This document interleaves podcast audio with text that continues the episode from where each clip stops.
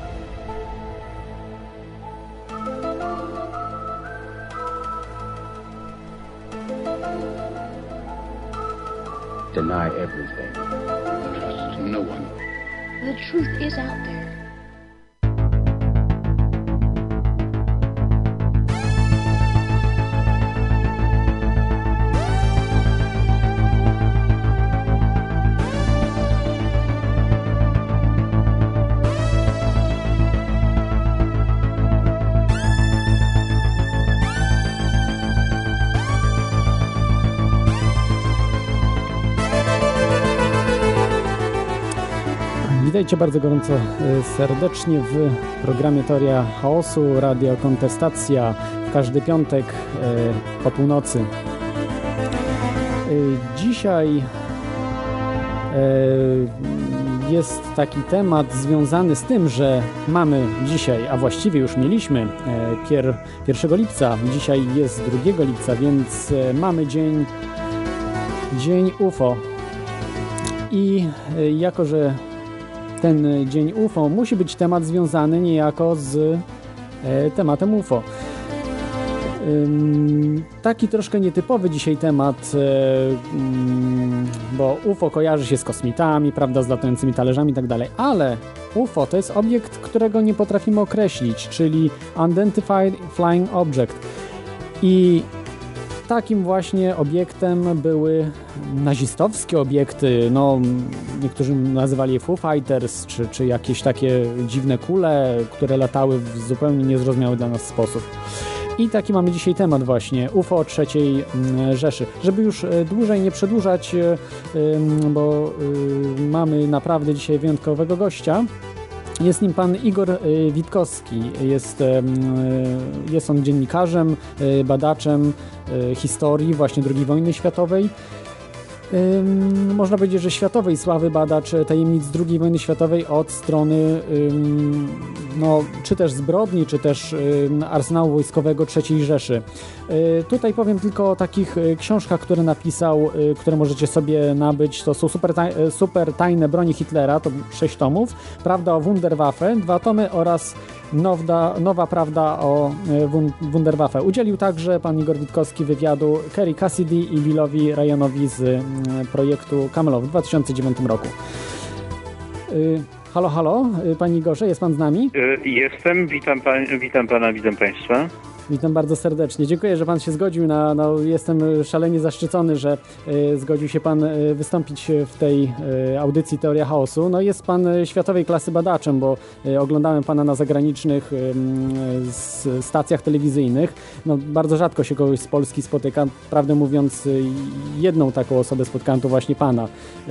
Udzielę chyba Ni- Nikowi Kukowi wywiadu, z tego co pamiętam, w, w jednym programie. Tak, to dosyć dawno temu już. Mhm. Y, Dobrze, y, to chciałbym tak może mm, zacząć od takiej smutnej sprawy, może smutnej, no niekoniecznie, y, pana Dariusza Kwietnia.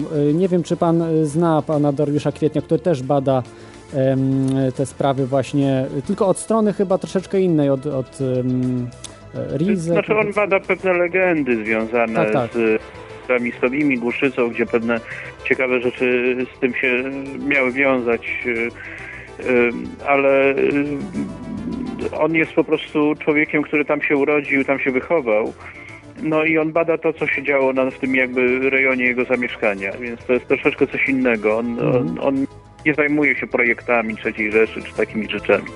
Mhm, rozumiem. Y, taka właśnie sprawa wy, wyniknęła, że nie wiem, czy pan słyszał, że do pana Dariusza Kwietnia ostatnio y, wtargnęła, znaczy wtargnęła, no mieli nakaz. Y, policja skonfiskowała mu mnóstwo właśnie materiałów badawczych, także jakichś znalezisk.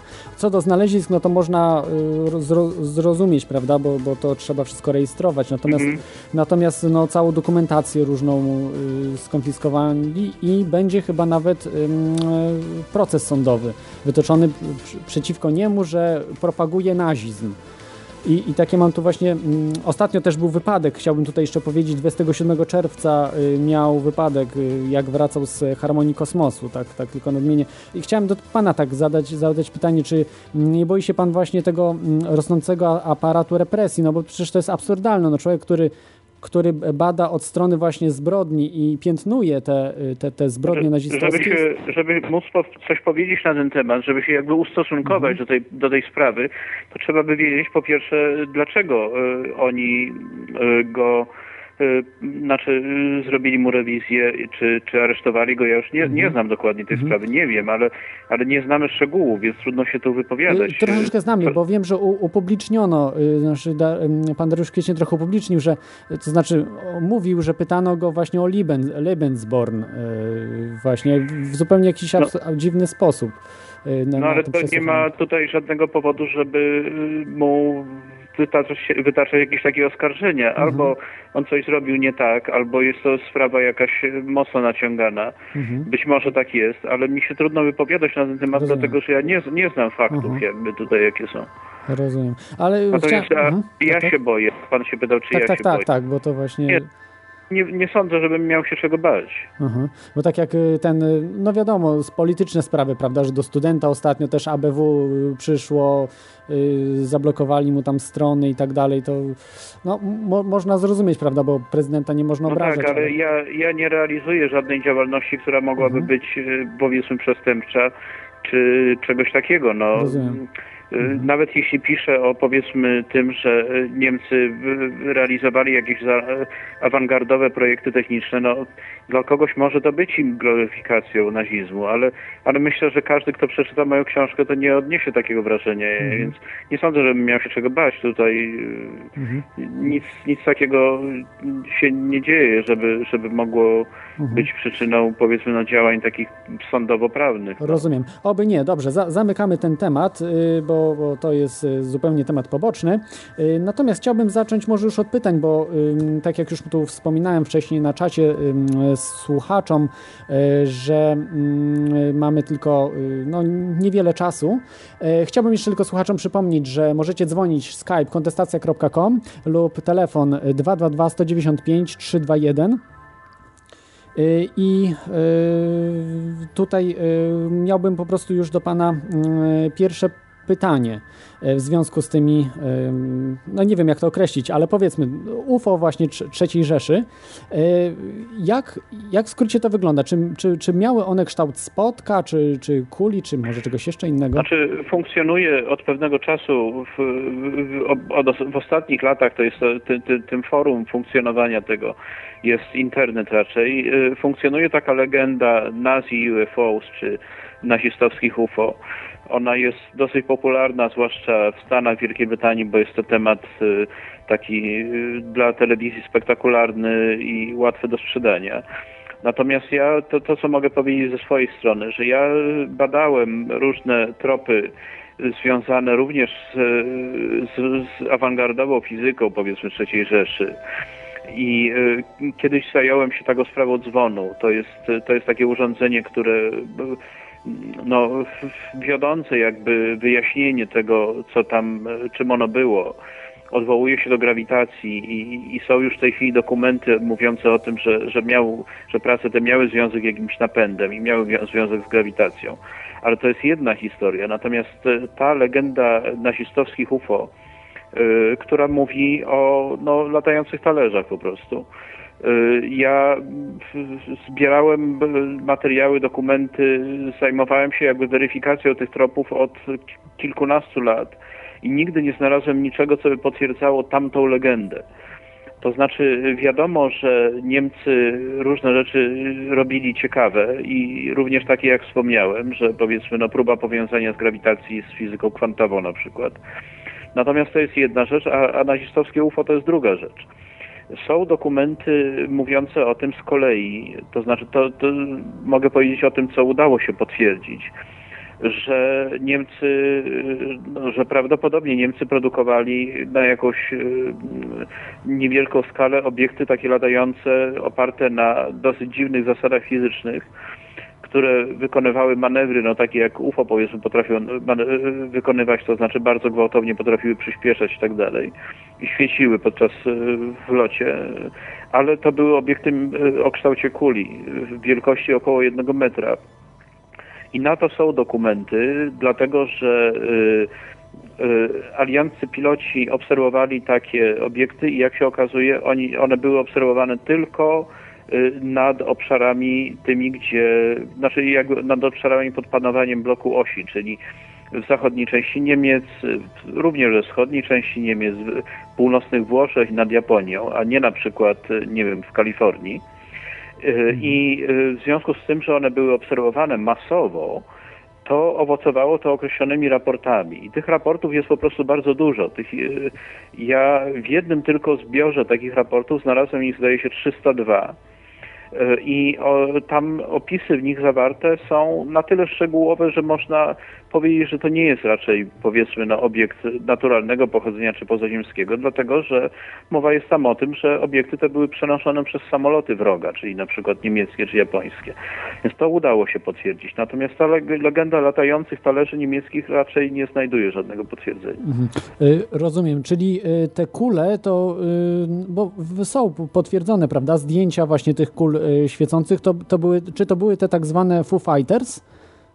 To były te tak zwane Foo Fighters, tak. To mhm. były takie obiekty, które czasami latały pojedynczo, a częściej w grupach, w formacjach. Najwyraźniej były zdalnie sterowane i, i miały jakiś taki układ, który pozwalał im utrzymywać się blisko samolotu nieprzyjaciela. Jakie one miały cele, jaki był cel w realizacji takiego projektu czy produkcji, to już jest zupełnie inna historia, dosyć długa ale w każdym razie no, tutaj są dokumenty na to. Y, czy są też na przykład dokumenty niemieckie na ten temat? Y, bo y, rozumiem, że te zdjęcia to robili chyba alianci. Czy... Tak, robili alianci.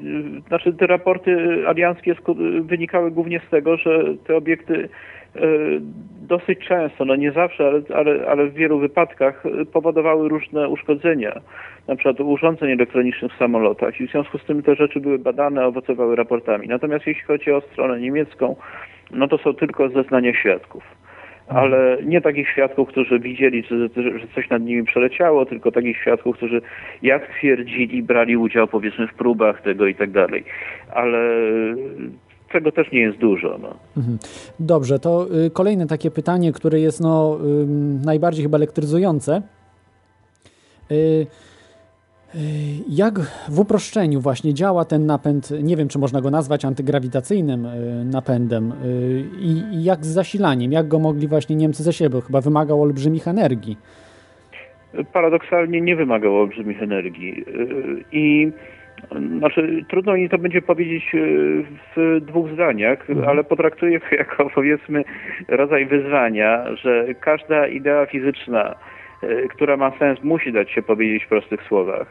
E, jej opis matematyczny może być skomplikowany, ale sama idea musi dać się powiedzieć w kilku zdaniach, więc spróbuję. E, wyglądało to w ten sposób, że Niemcy realizowali troszkę inne podejście do grawitacji i to jest udokumentowane, bo ludzie, którzy się tym zajmowali, publikowali jeszcze przed wojną prace naukowe na ten temat i to da się powiązać. I jeśli się to powiąże z innymi źródłami, typu powiedzmy listy tych naukowców między sobą, Y, czy inne jakieś dokumenty, to, to, to, to daje to dosyć spójny obraz. Mianowicie jak to wyglądało.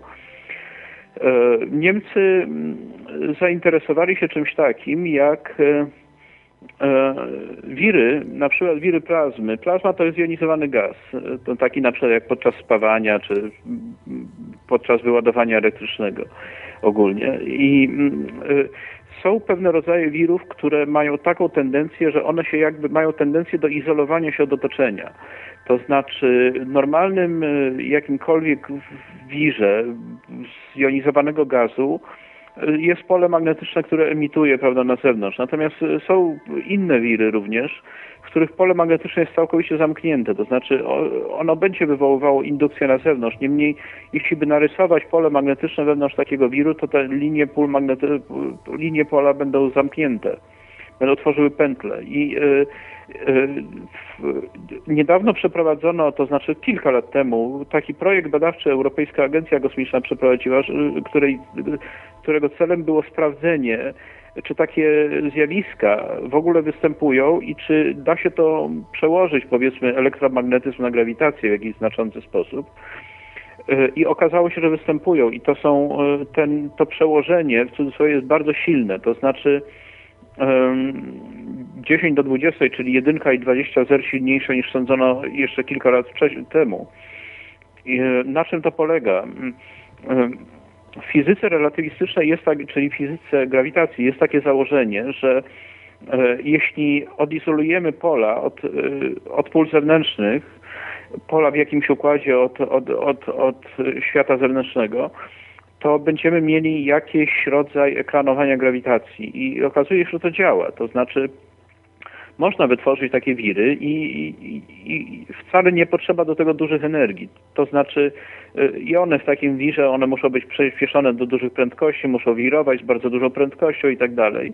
Y, ale to, to, jest, y, to jest coś, co jest całkowicie w naszym zasięgu. To znaczy można zrobić prosty układ, który będzie zmniejszał powiedzmy grawitację o kilka procent, y, a będzie zasilany z baterii. To nie jest taki problem I, i, i ten projekt badawczy Europejskiej Agencji Kosmicznej właśnie na tym, to było coś takiego. To znaczy w, w, oni to robili na, na małą skalę i nie, nie otrzymali dużej redukcji grawitacji, ale tylko tyle, że pokazali, że związek jest, że można to zrobić i z grubsza to tak wygląda.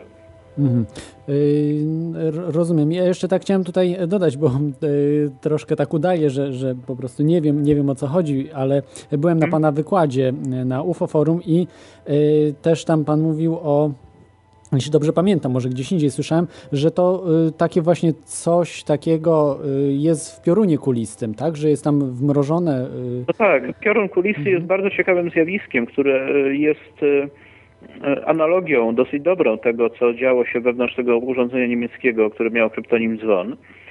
E, mianowicie, e, jak będziemy spawali, czy prawda, połączymy ze sobą jakieś dwa kable wysokiego napięcia, będziemy mieli jakieś wyładowanie i czasami w tym wyładowaniu wskutek jakiejś tam niestabilności powstanie wir. Tylko, że problem polega na tym, że taki wir rozgrzanego gazu, który ma temperaturę powiedzmy kilku tysięcy stopni, na przykład, czy kilkunastu tysięcy stopni, E, tam panuje wysokie ciśnienie e, i ze względu na temperaturę, a ponieważ jeśli to wiruje z dużą prędkością, no to automatycznie działa też siła odśrodkowa, która i to razem rozprasza taki wir bardzo skutecznie, tak szybko, że w zasadzie nie można czegoś takiego zobaczyć gołym okiem. Natomiast okazuje się, że czasami powstają wiry zupełnie inne, takie właśnie, o jakich wspomniałem wcześniej, E, w których linie pola magnetycznego są zamknięte. Taki wir pra prawie nie emituje energii na zewnątrz. I czymś takim właśnie jest piorun kulisty, który nie tylko, że żyje, że nie rozprasza się powiedzmy w milionowych częściach sekundy, ale może sobie unosić się w powietrzu minutę, bo on prawie nie traci energii. E, I, I, to jest coś takiego i pioruny kuliste można już w tej chwili wytwarzać. To znaczy jest kilka laboratoriów na świecie, które coś takiego y, opanowały i robią to i, i, to wcale nie trzeba do tego dużej energii. Mhm. Rozumiem. A mm, mam właśnie jeszcze tutaj do, do, tego napędu, bo to jest bardzo, bardzo ciekawa sprawa i taka elektryzująca, bo jak, jak się znaczy, orientuję... Je, tam może ja się jeszcze na sekundkę mhm. włączę bez Pana pytania, mogę? Tak, tak, proszę bardzo. Jedną rzecz chciałem powiedzieć, która tutaj jakby dotychczas pominąłem to, ale y, co jest warte podkreślenia, że y, opis projektu, który ja opublikowałem w Nowej Prawdzie o Wunderwaffe i w jakimś tam szczątkowej formie we wcześniejszych książkach, oparty na dokumentach, czy materiałach, czy zeznaniach świadków i tak dalej, i tak jeńców niemieckich, oparty na jakichś materiałach sprzed 60 kilku lat, E, okazuje się, w świetle najnowszych odkryć, okazuje się pewną drogą jakby do przyszłości. To znaczy, to pokazuje przełom fizyce. Można, e, mianowicie, e, można zrealizować marzenie fizyków, które jest chyba największym marzeniem fizyków od prawie 100 lat. Mianowicie e, połączyć, powiązać ze sobą ilościowo grawitację z fizyką kwantową. To dotychczas były zupełnie dwie rozdzielne rzeczywistości. Teraz się okazuje, powiązaniu z tym wszystkim, czym ja się zajmowałem, okazuje się, że można to zrobić i że na pewno będzie to bardzo duży przełom w naszym rozumieniu w ogóle świata, dlatego że dotychczas y, fizykom wydawało się, że są to rzeczy, jeśli dopuszczalne, no to i tak prak prak praktycznie niewykonalne. A tu się okazuje, że y, jest to stosunkowo proste, dużo prostsze niż nam się wydawało jeszcze 10 lat temu czy 20 lat temu. Więc y, jest to droga do opanowania zupełnie nowej dziedziny nauki. Mhm. A y, chciałbym się jeszcze tak tutaj y, podrążyć właśnie, y, z czego się y, składa ten, nie wiem czy to określić, silnik, napęd, tak, tak konkretnie, bo słyszałem, że chyba rtęć jest potrzebna, tak? tak, no rtęć jest dosyć dobrym materiałem. Chodzi mhm. o to, że to musi być coś, co wytworzy taki wir, taki jak w piorunie kulistym, czyli wir typu pioruna kulistego, który będzie jakby wirem zamkniętym, można powiedzieć, wirem odseparowanym od otoczenia, tak się mówi. E, a żeby coś takiego zrobić, to potrzebne jest coś z grubsza, tak jak akcelerator plazmy. To, jest, to znaczy urządzenie, które będzie e, przyspieszało jony do bardzo dużych prędkości i powodowało ich wirowanie w takim wirze. I e, generalnie to się robi przy użyciu pól magnetycznych wysokich napięć i tak. Nie jest to aż takim problemem. Głównym są inne problemy technologiczne, ale, ale generalnie sama, sama idea nie jest skomplikowana, tylko tyle, że trzeba zrozumieć, na czym to polega. Mhm. Rozumiem. Y, dobrze. Y, takie kolejne pytanie, y, które jest chyba na, najpopularniejsze w Polsce, bo związane jest konkretnie z Polską, to jest ta tak zwana muchołapka. Mhm. Niektórzy twierdzą w internecie, nawet tutaj wiem, że jeden słuchacz też twierdził, że to jest po prostu, tak jak zapisałem sobie, podstawa do chłodni a, a nie żadna jakaś tam y, muchołapka. Y, znaczy, trudno mhm. będzie skomentować to w taki jakby czytelny sposób, biorąc pod uwagę, że zapewne część słuchaczy nie wie w ogóle y, o czym mowa tutaj, ale mhm. w każdym razie projekt, o którym mówiłem, on był realizowany na Dolnym Śląsku koło miejscowości Ludwikowice. I tam jest taka konstrukcja dosyć dziwna, która wygląda jak taki pierścień betonowy o średnicy 30, zdaje się, 2 metrów na filarach.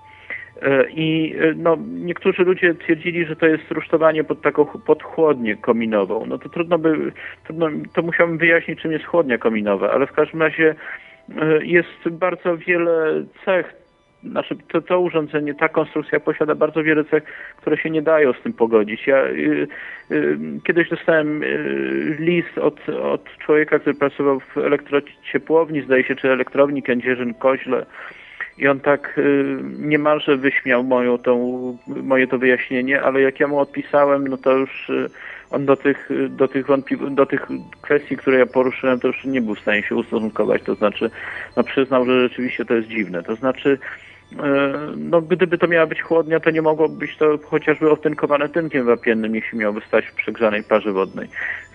Nie ma tam rurociągów i tak dalej. No, to, chyba nie ma sensu rozważać tych mhm. szczegółów. Tak, tak, tak. To może kiedy indziej, jeżeli tam będzie. Y, w każdym razie historia, y, którą się zająłem, którą badałem, ona y, od 15 lat, ona cały czas jakby mm, robi się, im dłużej się, ja nad tym pracuję, im więcej materiału zbieram, im więcej źródeł zbieram w archiwach, tym bardziej to się robi ciekawe. I więc to jest dla mnie bardzo ciekawy znak, dlatego że. Y, gdyby to było coś, co nie dałoby się jakoś sensownie opisać, y, byłoby pełne sprzeczności i tak dalej, y, to, to ja bym o tym zapomniał po miesiącu. A, a, a, jednak po 15 latach okazuje się, że to no, robi się coraz, coraz ciekawsze i to tak ciekawe, jak nie wyobrażałem sobie, to jest 10 lat temu, czy to 15 mhm. lat temu. Więc to się da w tej chwili już powiązać, już są dokumenty na to, że że taki projekt był realizowany. Także y, to, to, jest, to jest naprawdę bardzo, bardzo no, wyzwanie takie, które nas może poprowadzić dalej nawet. No tak, dla, dla całej ludzkości, prawda? Jeżeli byśmy się nauczyli yy, wytwarzać Tak. takie, takie silniki czy napędy. Miarem pana było, było zrobienie audycji o UFO, ale problem tu jest taki, że no, ja nie chciałbym się tu Nie, ustosunkować no, ale, jakoś przepraszam, global- można powiedzieć, że to UFO było, bo generalnie te Foo Fighters, prawda, latały jak UFO, no, tylko że miały troszeczkę inny kształt, ale i UFO też miały różne kształty. tak, no, chociaż nie wiemy, jak miało to wyglądać w całości, ale y, y, ja od, przyglądając się jakby ufologii, można powiedzieć, że także, że ja się temu przyglądam, no, jako powiedzmy człowiek, który jednak zajmuje się troszeczkę czym innym, to ja odnoszę wrażenie, że tutaj y, mamy pewne nieporozumienie, mianowicie takie, że e, ludziom się wydaje, że nic nie wiadomo na ten temat. Natomiast e, to nie tak jest, dlatego że poza e, opisami, które pojawiają się w mediach, to są wyniki badań chociażby wojskowych. W Polsce realizowano dwukierunkowo badania UFO przez wojsko. Ja o tym wiem, bo znam ludzi, którzy się tym zajmowali. I generalnie takich rzeczy na świecie było, takich przypadków na świecie e, było dużo i wbrew pozorom informacji na ten temat jest dosyć dużo. To nie jest tak, że nie mamy informacji na, na temat UFO. Jest ich, ich dużo. Tylko problem jest taki, że my ich nie rozumiemy.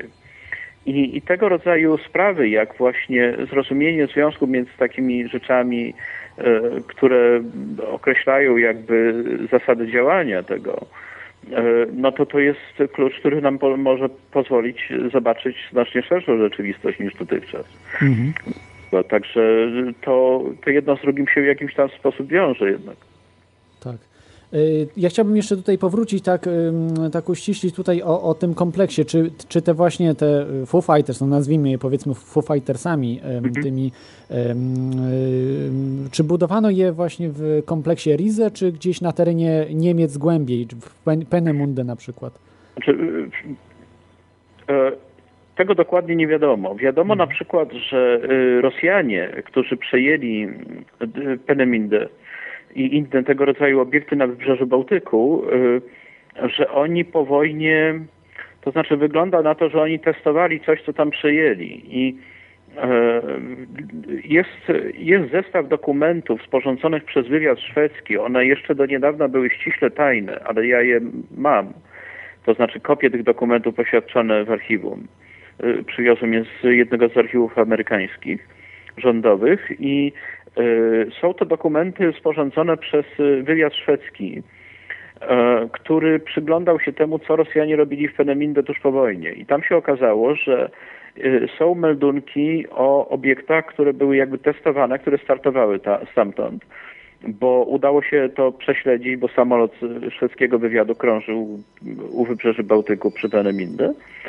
Y, I one bardzo przypominały charakterystyki tych Foo Fighters niemieckich, więc y, ponieważ to się działo tuż po wojnie, więc być może y, one tam były na przykład produkowane, ale tak dokładnie z pełną odpowiedzialnością to ja tego nie jestem w stanie stwierdzić, gdzie to się, skąd one się brały.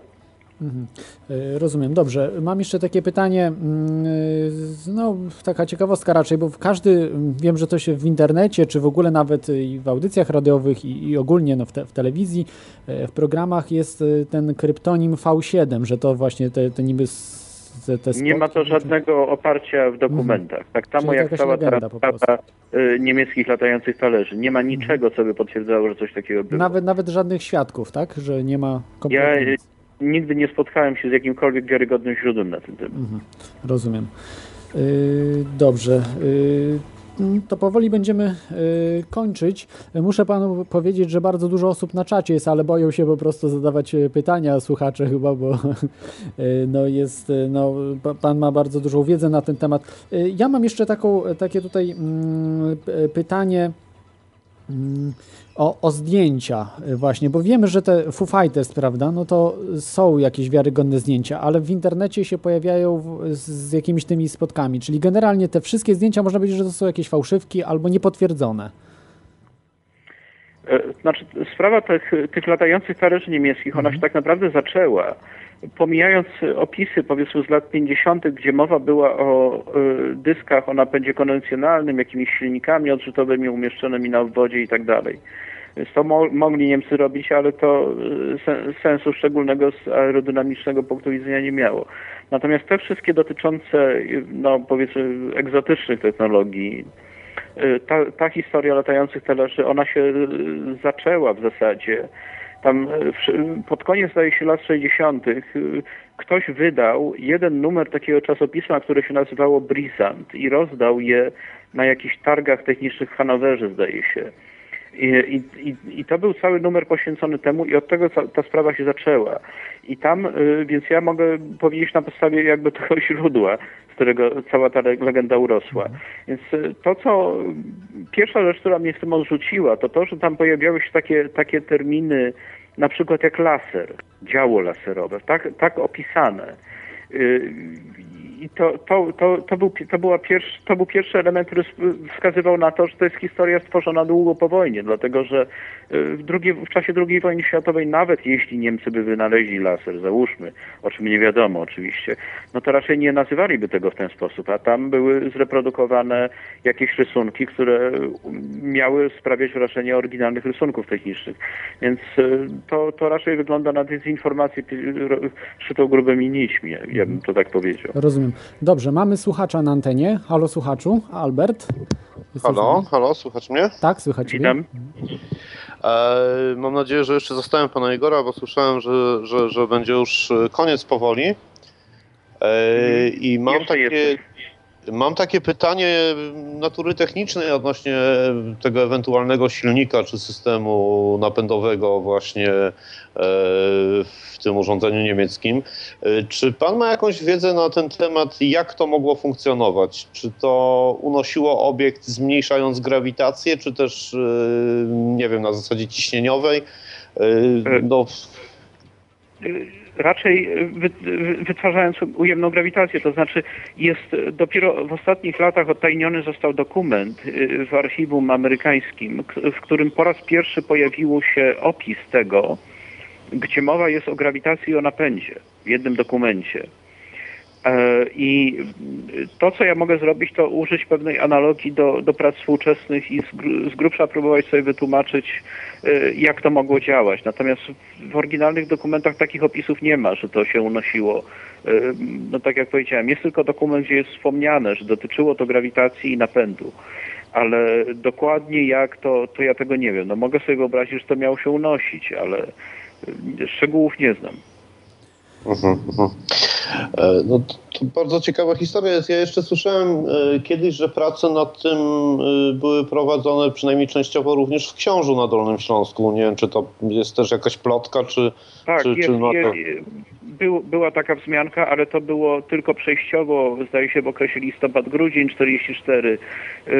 Ja w tej chwili z pamięci nie powiem, ale tak, i, i kiedyś y, pamiętam, brałem udział w programie dokumentalnym naszej telewizji polskiej, y, tam w Książu i wypowiadał się y, człowiek, który spędził w zasadzie całe życie powojenne swoje, mieszkając tam właśnie, na zbieraniu dokumentów, relacji świadków, bo okazało się, że on zebrał wiele dokumentów, które były rozrzucone w różnych bunkrach, szopach, bezpośrednio po wojnie, którymi się początkowo nikt nie interesował. Ja, ja te dokumenty widziałem.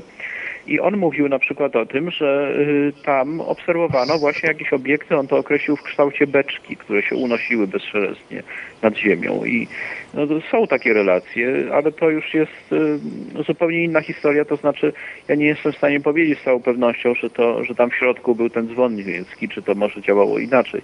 Ale w każdym razie tego rodzaju opowieści są, gdzie, które mówią o tym, że to były jakieś owalne obiekty unoszące się albo bezszelestnie, albo wydając jakieś takie ciche bzyczenie, powiedzmy. Mhm.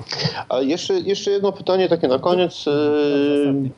Mm, chciałbym zapytać, gdzie można znaleźć Pana książki, bo ja jakoś nie miałem w ogóle okazji się spotkać. Yy, to znaczy, dzięki tutaj prowadzącemu poznałem w ogóle yy, Pana nazwisko i dowiedziałem się o tym, że Pan się tym zajmuje i że, że, że jest Pan dobrym, znaczy mocnym specjalistą w tym temacie. Natomiast no, chętnie, chętnie nabyłbym Pana książki, żeby, żeby trochę, trochę poszerzyć, poszerzyć sobie wiedzę. Przepraszam, w, wydaje mi się, że to nie, nie powinno być problemem. To znaczy, one powinny być w księgarniach, y, w Empikach czy w księgarniach internetowych. No wystarczy nazwisko autora wpisać czy, czy tytuł książki i jakoś to się znajdzie. To znaczy, no taka moja sztandarowa w tej chwili pozycja, gdzie jest to wszystko najlepiej opisane, mogę powiedzieć, tak, tak, tak mi się wydaje przynajmniej i jest dosyć dobrze oceniana, to, to ona nosi tytuł Nowa Prawda o Wunderwaffe. To jest nowa rzecz, która się ukazała w marcu tego roku i to jest niestety troszeczkę droga książka, bo ona w księgarni około 80 zł kosztuje, ale, ale generalnie to jest. Na razie przynajmniej. Rozumiem, że na razie tylko w formie papierowej. Na audiobooka nie ma, nie ma co liczyć nie, chyba, tak? nie, nie. Tylko w formie papierowej, tak. Rozumiem. Dobrze, dziękuję ślicznie w takim razie i, Ja również. i na pewno będę, będę, będę czytał. Do widzenia. Dzięki. Do widzenia. Dzięki, Albercie. Yy, Dobrze. Yy, To yy, ja miałbym już tak yy, ostatnie pytanie, bo już yy, zbliżamy się Tak, tak. yy, do końca. Czy kiedykolwiek ktoś ze świata nauki polskiej, jak i zagranicznej zainteresował się właśnie Pana badaniami, śledztwem tym dziennikarskim yy, na temat tych technologii?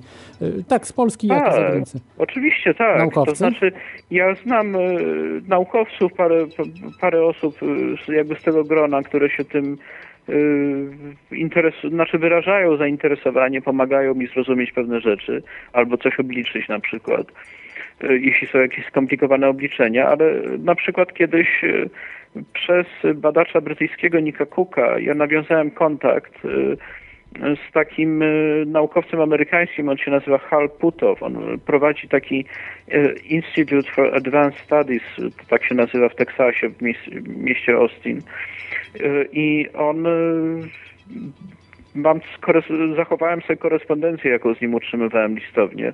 I on tym był ogromnie zainteresowany, a to jest, wydaje mi się, w tej chwili najwybitniejszy naukowiec amerykański na tym polu. Yy, Także oczywiście tak, to jest, yy, to, to, to również dla naukowca jest to dosyć ciekawe.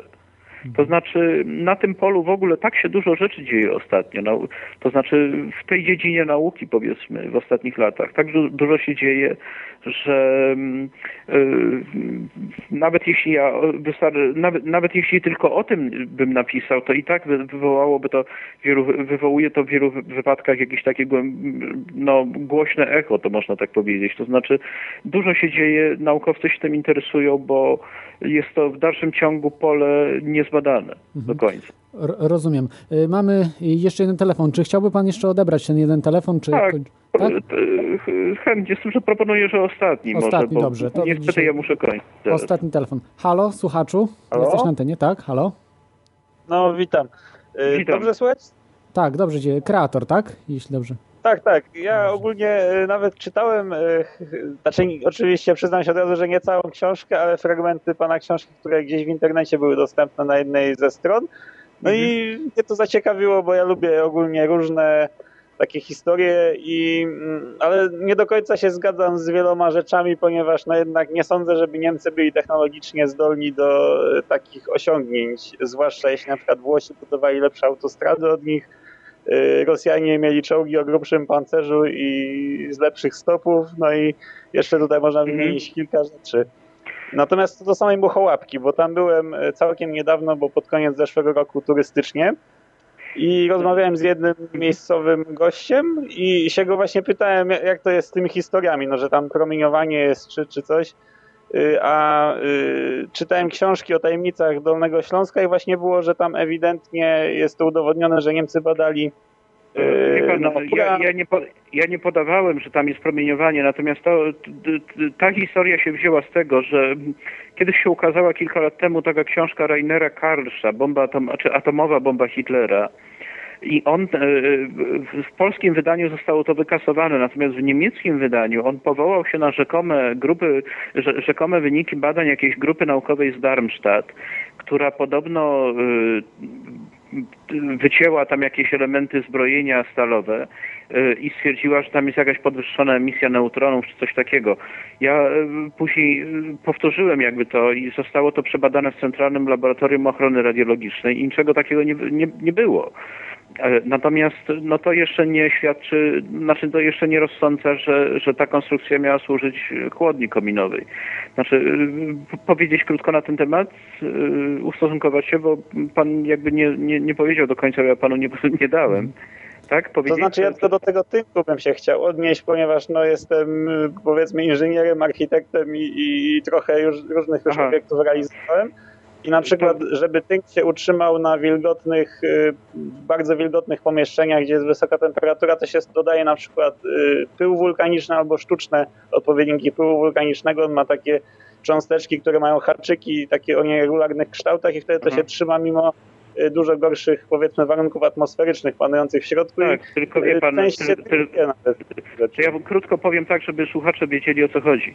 Y, Jest to konstrukcja, tak jak powiedziałem, pierścień betonowy na filarach betonowych. I y, jeśli chłodnia kominowa to jest coś takiego, jak czasami widać, powiedzmy, jak jest elektrownia, czy elektrownia jądrowa, to jest takie, takie coś jakby szpula taka wielka, taki, taki niski, gruby komin. O, to tak wygląda. I, I w chłodni to jest tak, że tam są y, rurociągi doprowadzające parę gorącą, y, parę wodną z generatorów, z turbin. E, I ona tam na zasadzie konwekcji y, chłodzi się w tym, skrapla się, spływa na dno i jest z powrotem odprowadzana do elektrowni.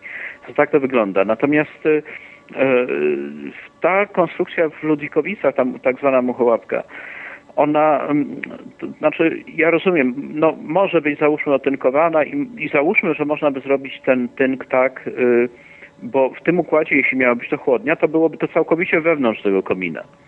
E, Można zrobić to tak, żeby ten tynk nie odparł. Załóżmy, bo ta temperatura będzie na poziomie powiedzmy 40 stopni 50, ale e, po co wtedy to tynkować i e, po co wtedy malować to e, zieloną farbą maskującą, jeśli to ma być wewnątrz konstrukcji betonowej. To jest pierwsza rzecz. Po drugie, nie ma tam jakiegokolwiek śladu po. Jeśli jest to średnica bo to stoi w basenie i, i, i średnica tej chłodni musiała być taka sama jak średnica basenu, czyli akurat 40 metrów. Przy tej średnicy to musiało być, by być całej wysokości około 100 metrów, znaczy rzędu 30 pięter. E, 30 pięter to, że tak powiem, nie w kij dmuchał.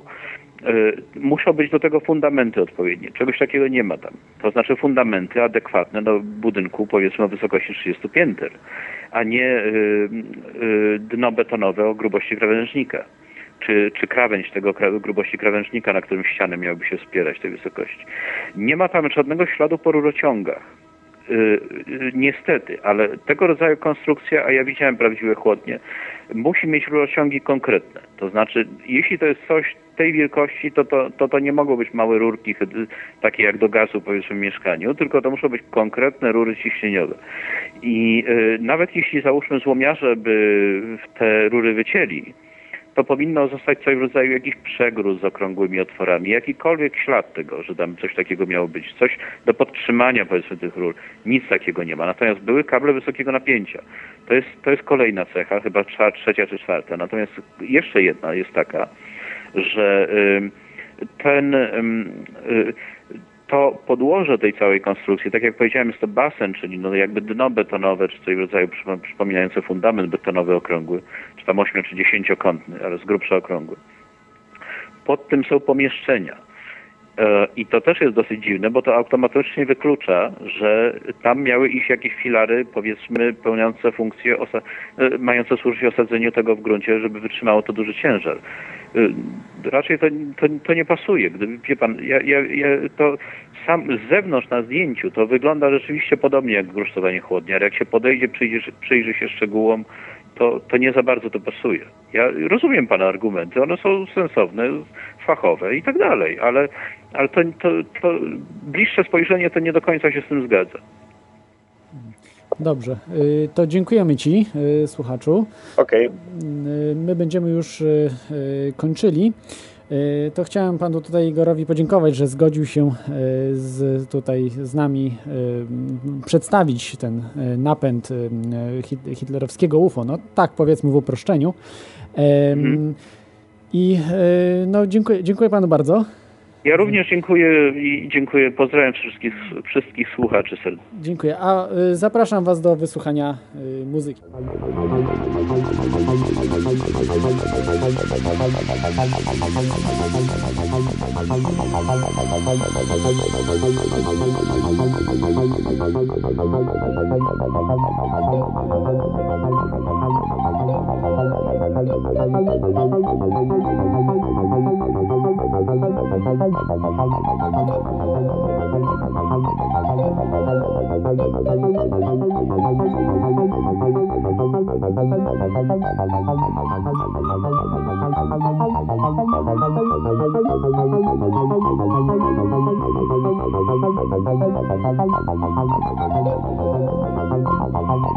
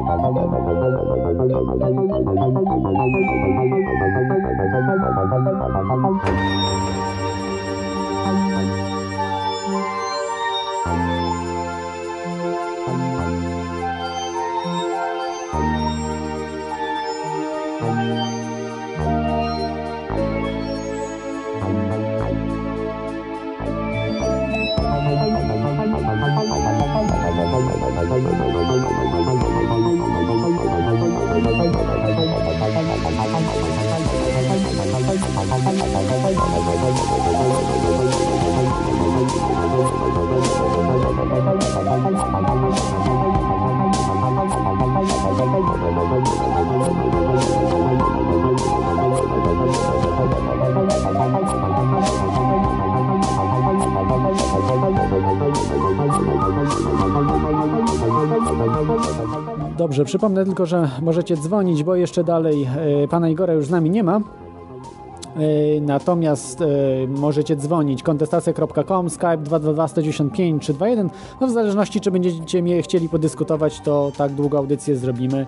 Jak nie, no to po prostu w, w, no powiedzmy za 20 minut kończymy, może troszkę krócej. Dobrze, posłuchajcie jeszcze chwilę tej muzyki.